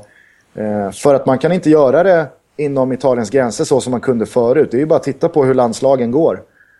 A-landslag, U21-landslag. Det är, det är inga världsspelare som, som huserar i de lagen. Och jag tror att det finns många toppspelare, italienare, som skulle kunna tänka sig att gå till Milan, absolut. Men frågan är om det räcker. Då behöver man istället vända sig utomlands och vilka spelare har idag tålamod? Vilka spelare som hör hemma på den europeiska toppen har idag tålamod att gå till ett Milan som inte är där och som är långt därifrån. Man är inte ens i Europa League i nästa säsong. Det är ju ett rimligt mål att sätta upp inför nästa säsong, att vi ska nå Europa League. Då är man inne på en andra säsong för en spelare som idag ska gå till Milan. Okej, okay, om två år så kanske jag får spela Europa League. Om tre år kanske jag får spela Champions League. Och om fem år kanske jag är med i ett Champions League-slutspel. Det är inte så många spelare som, som tittar på sin karriär, i synnerhet inte när man pratar med agenter och man, man eh, pratar med andra klubbar som kommer med sina lockrop, som redan är där, som redan är i toppen av sina inhemska ligor, som redan är slagkraftiga i Champions League. Då är det inte speciellt lätt att känna det där tålamodet att okej, okay, jag vill till Milan och ge det här chansen för jag tror på det långsiktiga projektet. Men det är också den enda vägen Milan kan gå för det finns ingen quick fix vare sig ekonomiskt eller sportsligt i det läget Milan är nu för de är alldeles för långt ifrån toppen. Mm.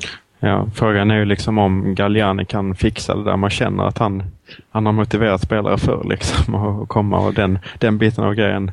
Den Abs kan absolut. Han det tvivlar jag inte heller på att han kan. Men frågan är om Galliani har haft en så svag produkt att sälja in hos ja. spelare någonsin. Nej, det, det, det, var när han skulle, det var när han började i så fall.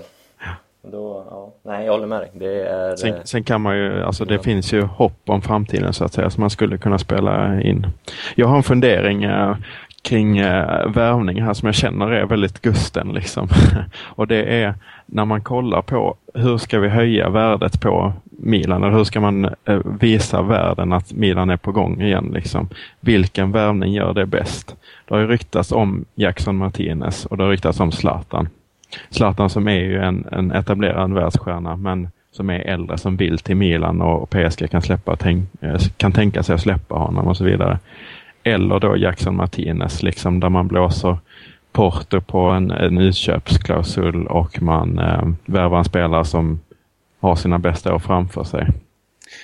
Personligen så, om, om, om jag hade varit milanista, ifall jag hade velat Milans bästa för framtiden och jag hade fått välja en av de två och bara mellan de två, då hade jag valt Zlatan.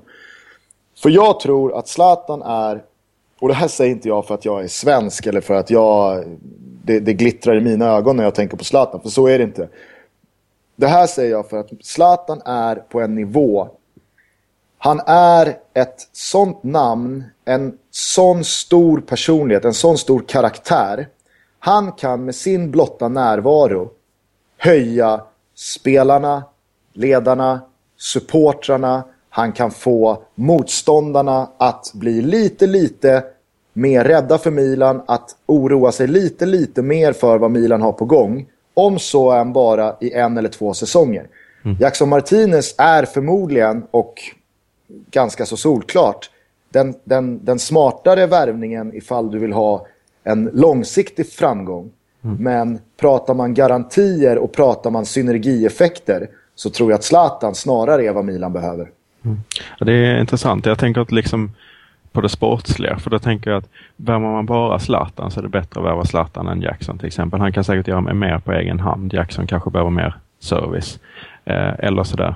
Men samtidigt så värvar man bara Zlatan så kan det ge bilden av att man värvar en stjärna som är på väg fallande så att säga. Som Milan har gjort så många gånger tidigare. Jag kan ju bara gå till mig själv som, som eh, Roma-supporter i det här fallet. Och det är väl lite den rollen jag ska ha i det här avsnittet. Att hur ser vi andra på Milan?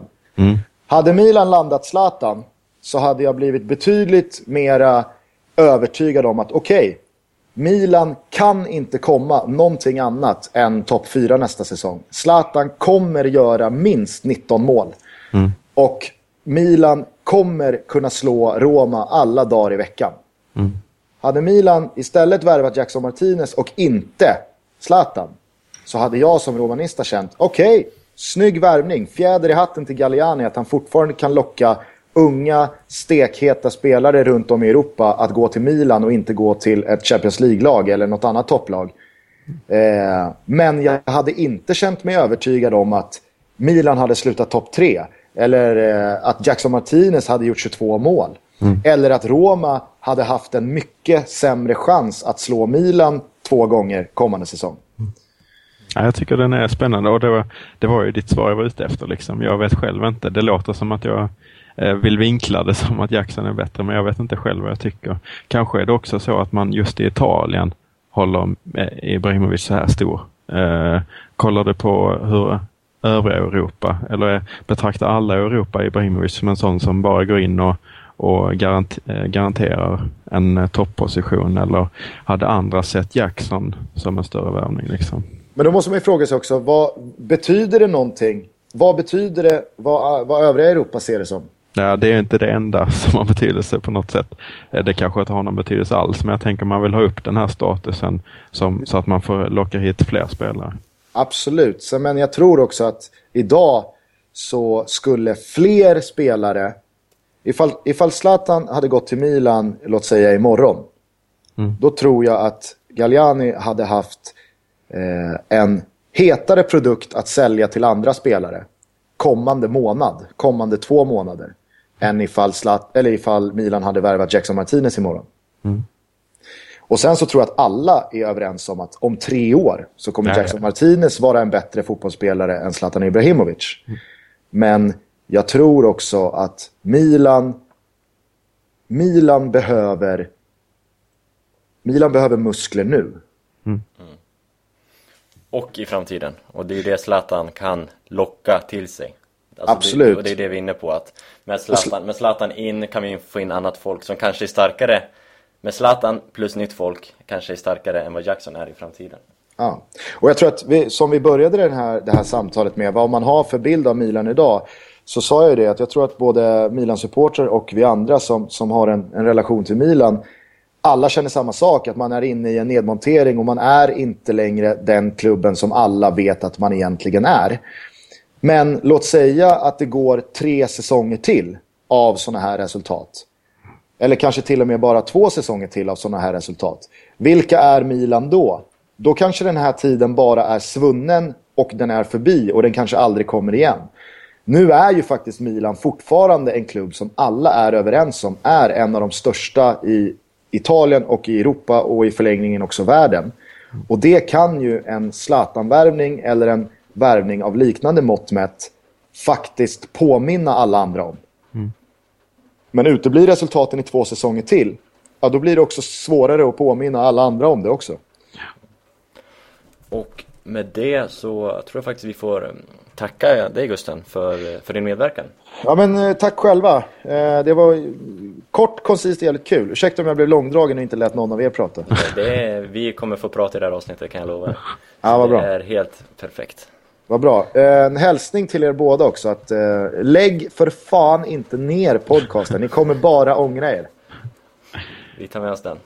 Och så kommer ni om eh, liksom, något år eller två minnas Fossa Degli Alci och försöka intala alla andra vilken stor och grandios historia ni sitter inne på. Men ingen, men ingen kommer tro på er.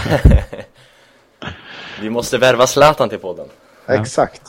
Ja, eh, tusen tack för, för din medverkan. Det var så lite. Vi eh, hörs. Tja! Milan, Milan, corre va, più nessuno ti fermerà. Milan, Milan, mondo intero può conquistar. Där tackar vi Gusten Dahlin för det snacket. Och det är också med de orden som vi eh, tar en paus, eller vad vi ska säga. Det här är alltså Fossa Delarci avsnitt 100 del 1. Eh, Fossa Delarci avsnitt 100 del 2 kommer eh, inom kort. Eller det beror på när ni lyssnar på det här. Men de läggs inte upp samtidigt. Men det kommer komma eh, relativt snart. Kan jag säga utan att säga för mycket. Eh, Resa, bra, bra insats. Tack detsamma. Och du är väl med även nästa gång va? Ja, det är klart.